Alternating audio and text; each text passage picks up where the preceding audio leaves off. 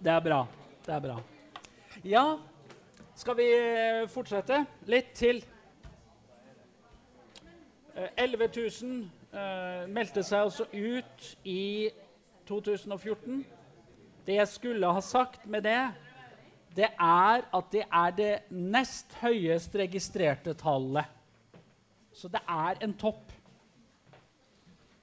Har vi vært inne på hva som kan være årsaken?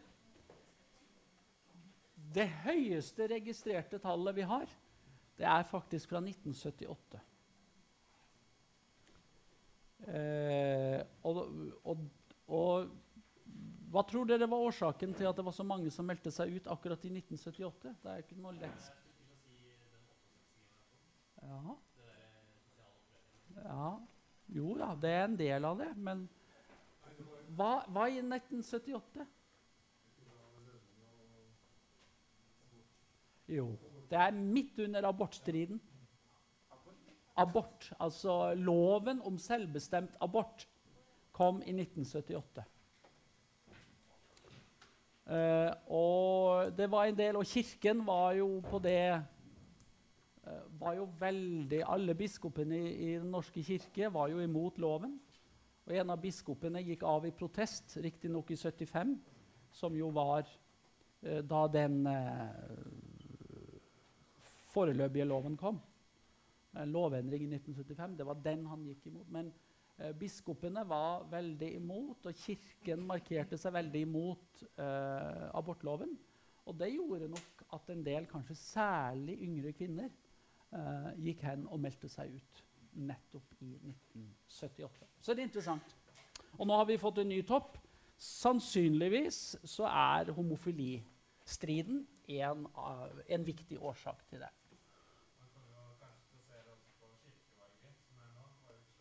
Ja. Ja. ja. ja. Og, og, også i forhold til vi få en mobilisering nå til valget? Det er mange ting som nå kan spille inn. Ja.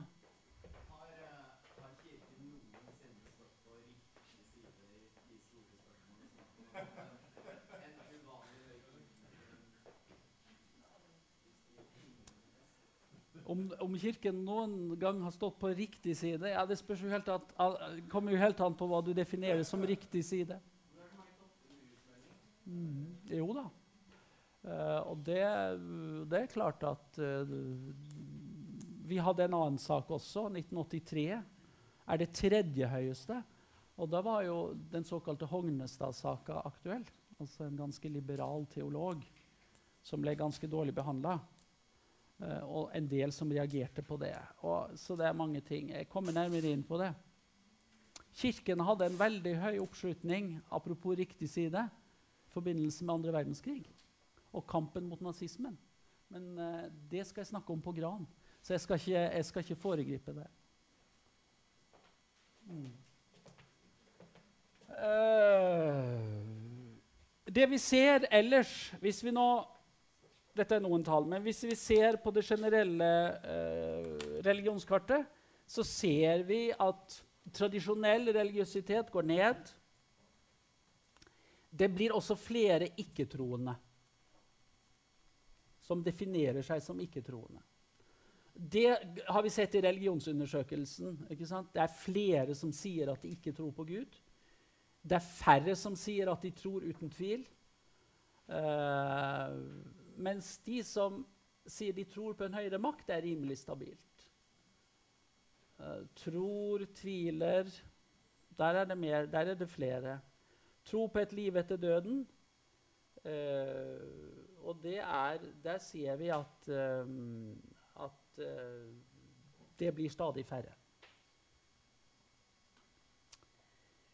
Um, hva hva kan vi si? Altså økningen av sterkt ikke-religiøse altså Det var 13 mot 22. Uh, eh, mens de som sier de er religiøse, det er rimelig stab stabilt. Men så har vi fått en ny kategori i de nye undersøkelsene. Uh, som gjerne definerer seg selv som åndelige. Som bruker det som en betegnelse på seg selv. Uh, det vi gjerne kaller nyåndelighet. Og de utgjør nå en 12-13 og dette er ganske nytt på statistikken. Eh, og vi ser det gjennom en økt interesse for alternative religiøse fenomener. Uh, og man tolker dette som en sammenheng mellom teorier om privatisering av religion og individualisering av religion. Uh, og dette gjør jo at læreboka dere, deres, for å, for å, på en måte eh, karakterisere tendensen i dag, eller da boka ble skrevet, Eh, det er ikke endret seg noen veldig siden det. Kanskje bare tendensene forsterka av det vi allerede så da. Det er at det skjer både en sekularisering, men det er også en sakralisering. Ved at religi religi altså, religiøsitet, religion, endres. Uh, vi har vært inne på det i det, i det, offentlige rom. Dette at det er legitimt uh, å være religiøs, og denne interessen for nyåndelighet. Men det er på en måte litt sånn motsigelsesfullt bilde. Det er sekularisering. Flere er definitivt ikke-religiøse. Men så har vi samtidig oppvoksning av en nyåndelighet og en interesse for alternativ religiøse fenomener, som også er interessant. Så bildet er altså ikke helt entydig. Eh, et viktig trekk ved uh, det norske religiøse landskapet er en religiøs pluralisering. Norge er et flerreligiøst samfunn. Uh, og James Beckford han snakker om tre dimensjoner ved religiøs pluralisme i et samfunn. Det ene er det han kaller religiøs diversitet. At det er uh, flere uh, uh, religioner eller religiøse tradisjoner på et livssynsmarked eller religionsmarked. Um, det er jo selve forutsetningen for å snakke om en religiøs pluralisme. Ikke sant? At det i samfunnet også er en aksept av ulike religiøse tradisjoner. At man aksepterer og sier at Eh, det er lov å ha ulike religiøse tradisjoner i Norge. Det, jo, eh, det, har jo ikke alltid vært sånn. Var det lov med andre religioner f.eks. i 1814, da vi vedtok Grunnloven? Nei. Det, det, det, er 200 år siden, og det skjedde jo gradvis. Men altså en forutsetning for et flerreligiøst samfunn eller religiøs pluralisme er at man aksepterer ulike religiøse tradisjoner. Og så det siste punktet, som jo ikke er minst viktig. Og det er jo det at det i samfunnet faktisk er en støtte til og en verdsetting av religiøst mangfold. At man faktisk sier at religiøst mangfold er bra. Yes! Så fint. Mangfoldet beriker. Og i Norge så har vi jo gode økonomiske støtteordninger også for religiøs pluralisme. Altså de eh, Tallene i religionsstatistikken som Statistisk sentralbyrå opererer med, det er jo på bakgrunn av eh, hvor, hva de ulike eh, institusjonene og menighetene og trossamfunnene eh, oppgir i forhold til hva de får støtte til. Eller hva det gis i støtte til, til eh, Det er sånn at man får støtte per medlem uh, i, i trossamfunnene. Og dette er faktisk på linje med det som er i Den norske kirke. Og Dette systemet ble altså utforma mens vi hadde en statskirkeordning. Og, og, Det norske finansieringssystemet av trossamfunn er et av de beste i verden. Det ble altså utformet med stats, et statskirkesystem. Eh, så kan det være interessant dette med hvilke begreper vi bruker. da, bare for å ta en sånn liten sløyfe om det. Altså, Vi bruker ordet pluralisme og pluralitet og pluralisering og pluralisert. F.eks. et pluralisert samfunn eller et pluralistisk samfunn. Det bruker vi gjerne om hverandre. Men faktisk kan det være et visst skille mellom de begrepene. Altså ismebegrepet, pluralisme, går mer i retning av en normativ verdsetting av pluralitet og flerreligiøsitet. Mens pluralitet, pluralisering, pluralisert det gir en beskrivelse av en faktisk utvikling og tendens i samfunnet. Så hvis man ikke vil, vil si om dette er bra eller dårlig, så snakker man altså en ren beskrivelse, så snakker man om religiøs pluralisering eller religiøs pluralitet. Pluralisme, da sier man da er det mer noe ideologisk. Uh, men det er vanskelig å få innarbeidet denne språkbruken. der. Vi, vi bruker det om, om, hverandre. Jeg har sikkert gjort det nå også. Det Men så er spørsmålet hvor pluralistisk er egentlig det, det norske samfunnet? Vi sier at vi er et pluralistisk samfunn, men hvor pluralistisk er vi når vi begynner å se etter? Eh, går, altså, en, en, måte å, å, lese det på, det er å gå og se vil, Hva fins på det norske religionsmarkedet uh, når det gjelder tros- og livssynssamfunn? Ja, det fins jo en hel del. Men hvis man går bak tallene Hvor mange har de forskjellige? Hva er oppslutningen osv.? Og her er, jo, her er jo ganske interessant. Vi har jo tall eh, på medlemmer i de ulike religionssamfunnene. Uh, og det som er situasjonen, det er at 11,5% tilhører religions- og livssynssamfunn utenfor Den norske uh, kirke.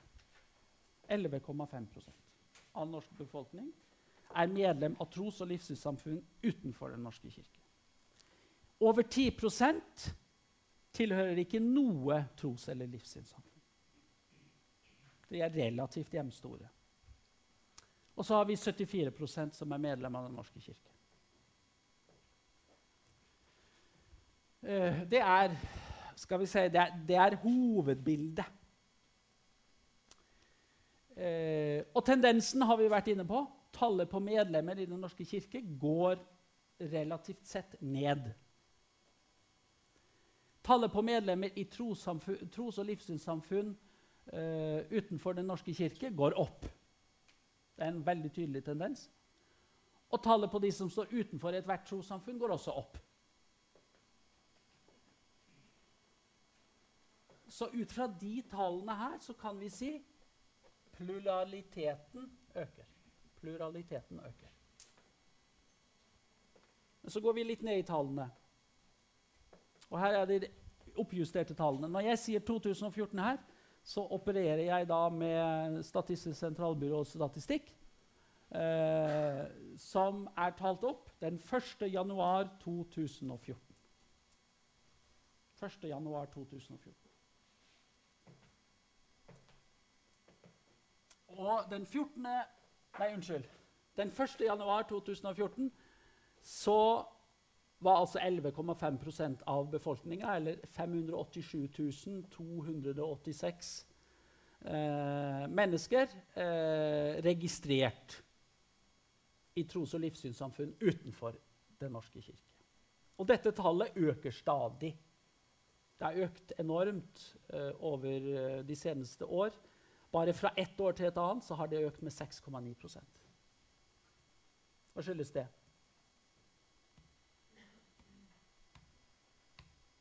Ja. Innvandring. Eh, ja. I vesentlig grad innvandring. Eh, samtidig så er det et faktum at et flertall av disse 587 000 337 000 de tilhører kristne kirkesamfunn. Det er altså kirkesamfunn innenfor kristendommen. 50, eller 57% av alle utenfor Den norske kirke er kristne. Igjen spørsmålet hvor pluralistisk. ikke sant? Eh, kristne trossamfunn har hatt størst vekst i tallet på medlemmer. Eh, fra i forfjor til i fjor på 24 000, eller ca. 9% Det er veld, veldig høyt. Og hvilke trossamfunn er det som øker mest? Jo, det er den katolske kirke. Er den katolske kirke som bidrar til å øke dette tallet. Så, nå har det jo vært tull med medlemsregistreringa, det skal sies. Men dette er altså de offisielle tallene. Som, uh, det, dette er den offisielle statistikken, så det er den jeg forholder meg til. Uh, det har altså økt uh, med 16% fra det ene år til det andre. En svær økning. Og de har nå over 140 000 medlemmer. Eh, den katolske kirke er større enn islam i Norge i registrerte antall mennesker. Eh, og årsaken til det innvandring. Katolisismen er en innvandrerreligion i Norge, hvis jeg kan bruke det uttrykket. Eh, så er det det tredje største kristne trossamfunnet i Norge. Ved siden av, de, eh, ved siden av romerske Nei, det andre største ved siden av den romersk-katolske kirke. Det er pinse, eh, pinsekirka, pinsebevegelsen, med ca. 39 000 medlemmer. Men så hvis vi da går utenfor eh, kristendommen, utenfor Den norske kirke, så er islam helt klart den nest største religionen i Norge. Eh, og islam er som vi har vært inne på, en innvandrerreligion i Norge. Eh, i, i, dette studiet på TF så fokuserer vi ved siden av kristendommen eh, islam nettopp av kontekstuelle grunner.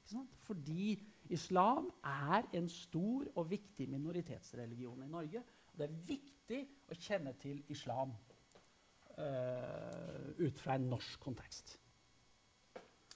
Uh, de offisielle tallene er at i overkant av 132 000 uh, tilhører islam. Det er 22,5% av alle som er registrert i trossamfunn utenfor Den norske kirke. Man har økt altså faktisk med over 33 siden 10, 2010. Eh, og hadde en økning på 9% fra 2013 til 2014. Så det er en religion i stor økning i Norge, og har vært det eh, de, over de siste, siste årene veld, veldig tydelig. Um,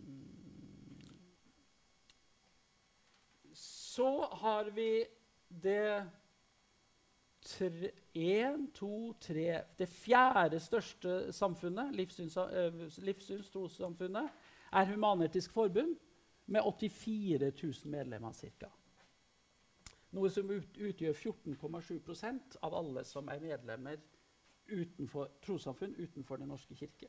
En økning på 4,3% fra 2010. De er ganske stabile øker litt, men er veldig stabile over de siste årene. Og så Det fjerde største det er buddhismen. Og buddhismen øker relativt sterkt. Selv om de fremdeles ikke har så veldig høyt tall. Men, men de øker sterkt. De har økt med 28% siden 2010 og har nå over 17 000 registrerte medlemmer. Det trossamfunnet eh, som øker aller mest eh, i prosent, er faktisk hinduismen. Eller den verdensreligionen som øker aller mest i Norge. Det er hinduismen. Det det er interessant. Med en, eh, en svær økning på, på, de siste fem årene. Så er det jo sånn at pluraliteten er jo ikke likt fordelt i det norske samfunn. For å si det sånn, Norge er ikke like religiøst og livssynsmennlig pluralistisk uavhengig av hvor du er og hvor du bor. Og det er vel ingen bombe at det er flest medlemmer totalt utenfor Den norske kirke nettopp i Oslo. I den regionen hvor vi befinner oss nå. Eh, som dere kan se her, så er det, så er det over 142 000. Eller to, 22 av, av befolkninga i Oslo. Det som er interessant, det er jo når vi ser på dette religionskartet, og hvordan de har endra seg over tid. Eh, fordi i 1990 var faktisk pinsevennene og Human-Etisk Forbund de dominerende av de tros- og livssynssamfunnene som sto utenfor Den norske kirke. Eh, mens nå så er den katolske kirke og islam størst. Og Det er altså de to religionene som må karakteriseres som innvandrerreligioner, som nå har overtatt eh, føringa eh, blant de eh, som er utenfor Den norske kirke. Eh, livssynssamfunn er altså, som jeg har vært inne på, stabile, men de taper altså relativt sett. Men de er stabile nominelt sett. Islam i Norge øker altså. Her er eh, eh, moskeen i, eh, i Åkebergveien, som var egentlig det første eh, muslimske eh, eh, monumentalbygget i, i, i, i Norge. Her er eh, medlemmer utenfor Den norske kirke eh, laget i en grafisk fi figur. Da får man litt, eh, litt, perspektiv på det. Kristendommen er det lilla feltet. Islam eh, det lysegrønne. Buddhisme det mørkegrønne. Og livssynssamfunnet det ketsjup, nei, sennepfarga.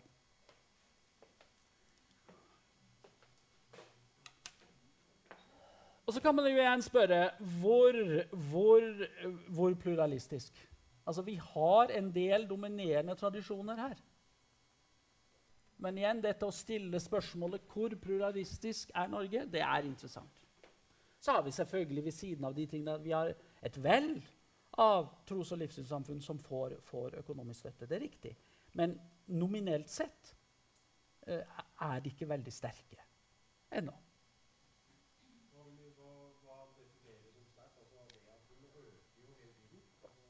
Ja, ja, ja, men av andre samfunn, altså av mangfoldet. Dette er hovedtendensen, og den er klar. Den er en sterk økning. Men andre samfunn, altså eh, enn disse hovedtendensene, eh, er ikke så, så, så, tydelige. De er fremdeles ganske små nominelt sett i Norge. Men disse er hovedtendensene.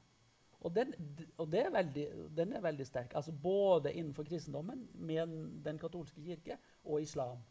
Og til dels humanisme. Og, øh, og, og hinduisme. Nei, ikke her. Men det hadde vært interessant å sett.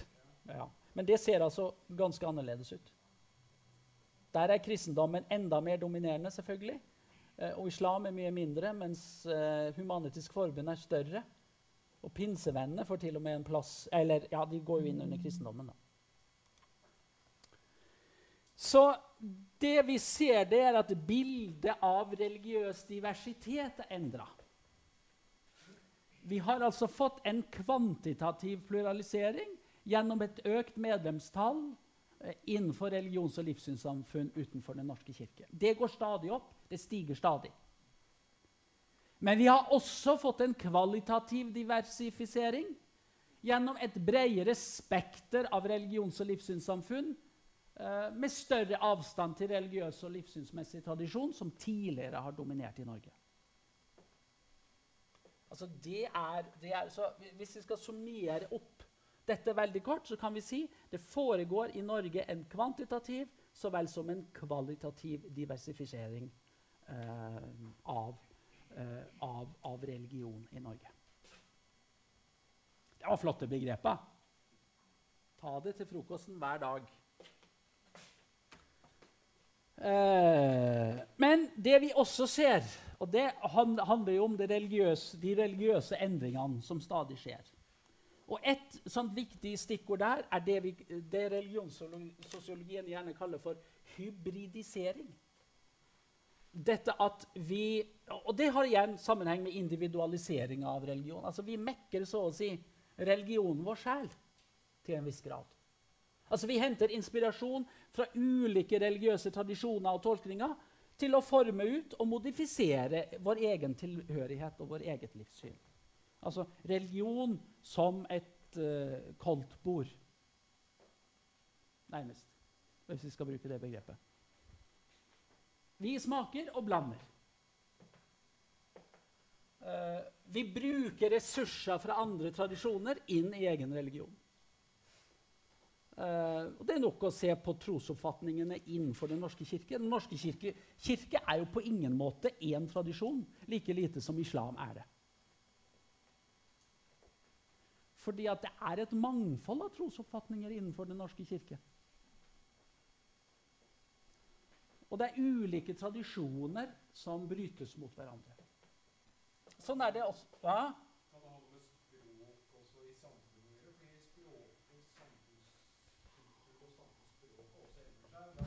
Da.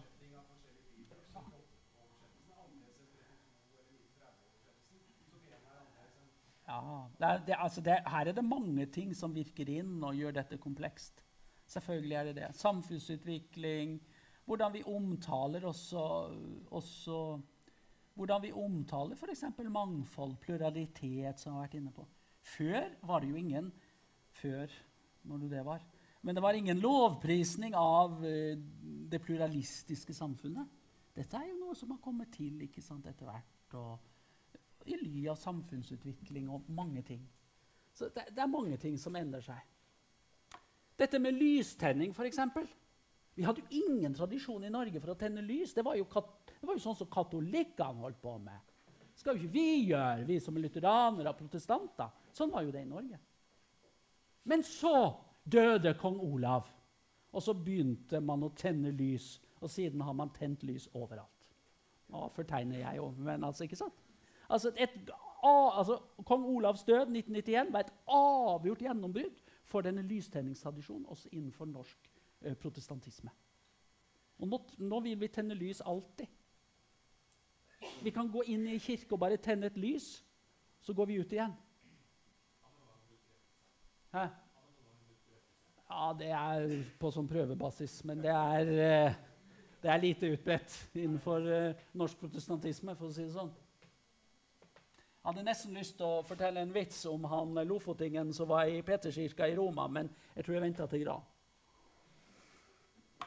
Um, så altså, Lystenning, for, eksempel, for en sånn tradisjon som ikke noe, som ikke hadde spilt noen rolle for oss, har altså fått en rolle. ikke sant? Og sånn henter vi inspirasjon fra andre tradisjoner. Tolkninger, omtolkninger av elementer fra andre eh, tradisjoner. Eh, det at det faktisk har vært en økende andel av folk som sier at de er kristne, som samtidig sier at de tror på reinkarnasjon. Reinkarnasjon er ikke et kristent element i det hele tatt. for å si det sånn. Men likevel så, så ser man hvordan eh, ting og tra tradisjoner, elementer, tradisjonselementer flyter sammen. Og fører til også intern differensiering innenfor den enkelte religion. hybridisering. Uh, hva er drivkreftene bak økt religiøst mangfold eller økt religiøs pluralitet? Vi har pekt på et viktig stikkord innvandring. Det er helt åpenbart. Det er tydelig. Men vi må også tilføre punkt to at det også skjer endringer i religiøs og livssynsmessig tilhørighet blant de som allerede bor i Norge. Vi kan ikke forklare alt bare ved å peke på innvandring, selv om det er også et viktig aspekt.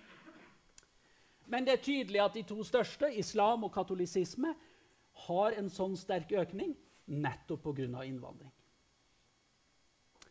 Men når det gjelder religiøs endring blant de som bor i Norge, så kan man forklare det på mer altså, Her er det mer kompliserte årsakssammenhenger. som demografi, uh, sosioøkonomi, kulturelle faktorer som spiller inn. Som jeg har vært inne på. Uh, det kan være et generasjonsskifte. Det kan være individualiseringa som, uh, som griper inn. urbanisering osv. osv. Det, det er en del kompliserte faktorer som spiller inn. Eh, men et viktig nøkkelord for denne, denne endringa her eh, er jo individualisering og hva jeg vil kalle avtradisjonalisering, eller forvitring av religiøse tradisjoner. Um, og samtidig denne sammenhengen mellom urbanisering og religiøst mangfold. Kroneksempelet er i Oslo. Men vi får det også ut over hele landet, på større steder særlig. Men nøkkelbegrepene her er individualisering og avtradisjonalisering, eller forvitring av, uh, av tradisjon. Og det er jo interessant hvordan dette bærer hen, men jeg syns vi ser det veldig tydelig når det gjelder barnedåpsriten i Den norske kirke. Det er først og fremst der vi ser det, og der ser vi det veldig tydelig. Det blir veldig interessant å se uh, den videre utviklinga der.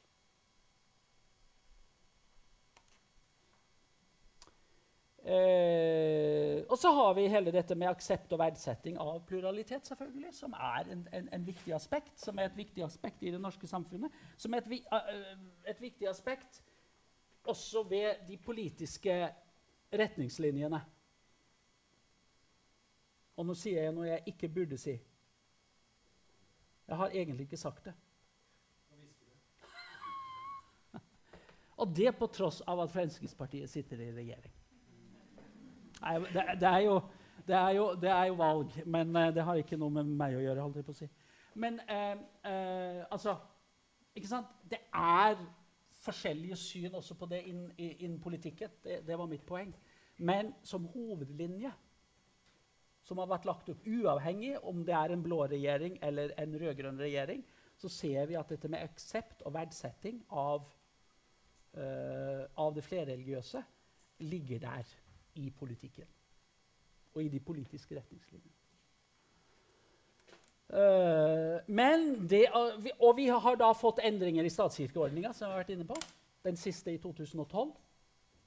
Men like fullt så er det sånn i Norge at Den norske kirke fremdeles er i særstilling overfor staten sammenligna med andre tros- og livssynssamfunn. Og Det er dette som gjør at jeg sier at vi har en statskirke light-variant uh, i Norge.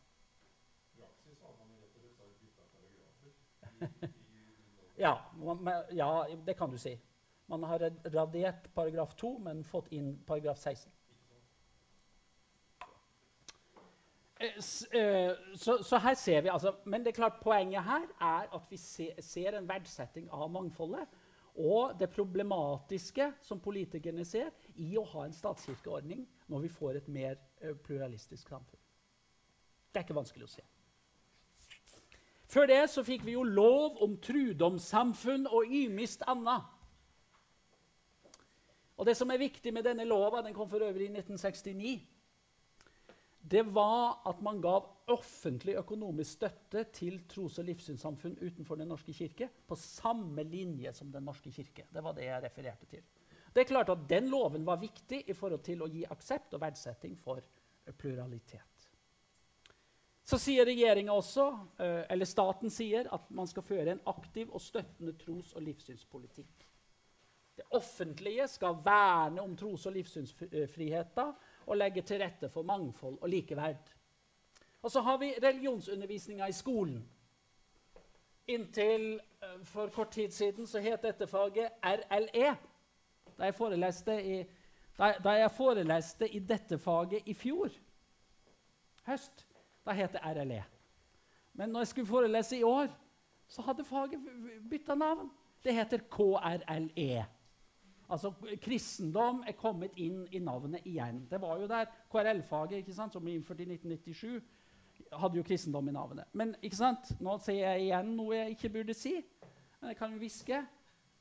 Eh, dette er jo eh, en kjernesak for KrF som da eh, den blå regjeringa lot dem få, så de kunne tie stille en liten stund. Og la dem få litt arbeidsro. Da het det kristendomskunnskap. Da, da, du og jeg og vi gikk på skolen. ja. Ja da, ja da. ja da. Men det, det, er interessant. Nå går vi til, og Mange vil si at ja, men nå trekker vi kanskje, nå snevrer vi litt inn. For hva er den viktigste endringa? Ja, endringa i navnet. Kristendom eh, får et eget navn, ikke bare går under sekken religion. Det er det ene. Og det andre er jo at man sier at eh, kristendom skal være minst 55% i faget. Ikke sant? Så nå kan si at man Det er litt sånn motutvikling her. Men, men tendensen med RLE-faget var i alle fall at uh, Det er jo ikke endret, for så vidt. Metodene i faget er jo ikke endret. Og det er jo Poenget er at alle livssyns og uh, religioner skal behandles selvfølgelig likt i undervisninga. Det skal ikke være noe forskjell. Det skal selvfølgelig ikke være noe forkynnelse i faget. Eller. Det er et skolefag på linje med andre skolefag. Og det ligger fast. Uh, så det er, uh, det er, viktig. Samtidig uh, så, det vi har hatt, det, det, det, vi har sett som utviklinga i Norge, det er at vi har hatt en religiøs pluralisering på bakgrunn av og samtidig med en særlig anerkjennelse av Den norske kirke. Og det ligger der fremdeles. og det er interessant. Slik at den pluraliseringa vi ser i Norge, Eh, den forutsetter fremdeles at Den norske kirke har en dominerende posisjon som et selvsagt rammeverk for nordmenns religiøse tilknytning som utfordres og endres. Den norske kirke utfordres av dette. eh, definitivt. Om å finne en ny vei i et mer pluralistisk eh, religionslandskap.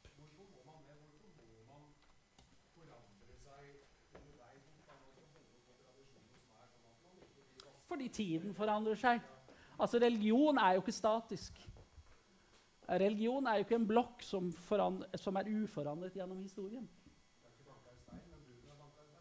Hvis vi, hvis vi, eh, hvis vi hadde kommet inn i en gudstjeneste blant de første kristne i Jerusalem i år et eller annet Tror dere vi har kjent oss veldig igjen? Altså, det er noe med at religion er ikke statisk. Religion forandres. Og det er klart at i, et, i å gå fra et landskap hvor Den norske kirke eh, er dominerende, har så å si hatt monopol på religiøsiteten altså Den norske kirke kan ikke agere som den har monopol i et pluralistisk samfunn. Altså, den må, den må finne andre veier som samfunnsaktør, tenker jeg, i, i, i en sånn endring. Men det interne i forhold til tro og sånne ting, det, det, det, er jo viktig at trossamfunnet selv får ha hånd om. selvfølgelig, Og det ligger jo også i, i de endringene som er gjort. Altså Det skal mindre eh, påvirkning fra staten osv. Det ligger jo også i kortene. Eh, Den norske kirke skal i større grad likebehandles med andre trossamfunn i så henseende. Så, så, det ligger jo føringer her i politikken eh, i forhold til de endringene som er gjort. Ja? Ja. Som la Grunnloven sa at norske stater skulle være en uttrykk evangelisk ja.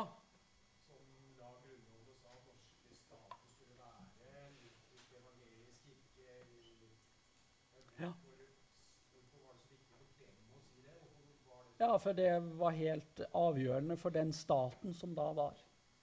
Men, det, men dette, dette, kommer jeg til å si mye mer om på Gran. Så fortsettelse følger. Ja, for det er jo viktig når vi skal snakke om stat og religion i Norge. ikke sant? Da vil Grunnloven bli essensiell.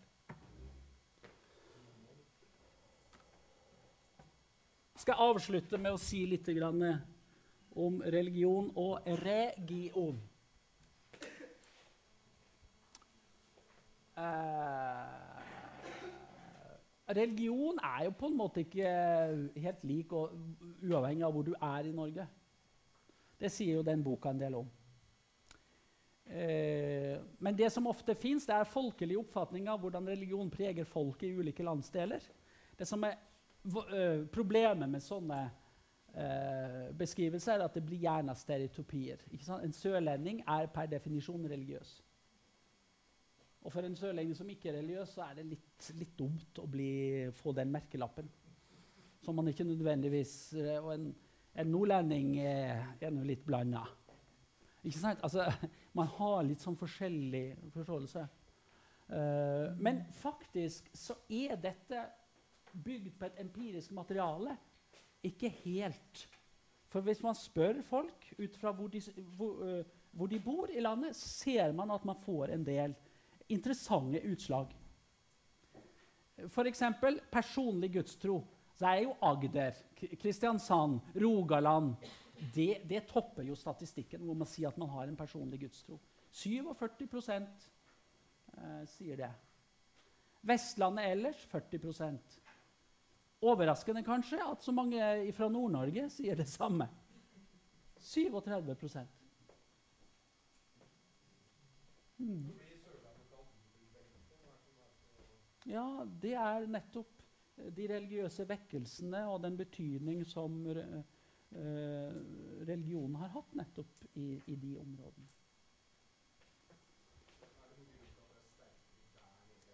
Ja, ja, det er vekkelsenes betydning i særlig grad.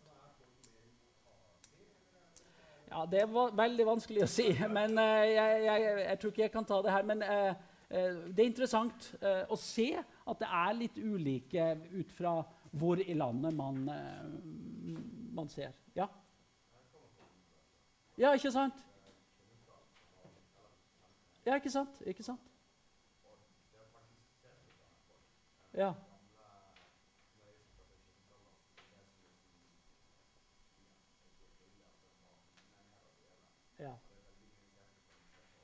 Ja, akkurat. Ja, ja. Mm. Interessant. Interessant. Ja. ja. Så, og det er klart, og det, forklarer, og det er jo også viktig i forhold til eh, endre, befolkningsendring. ikke sant? Demografi og sånne ting som spiller inn, selvfølgelig. Og kompliserer denne form for statistikk. Men f.eks.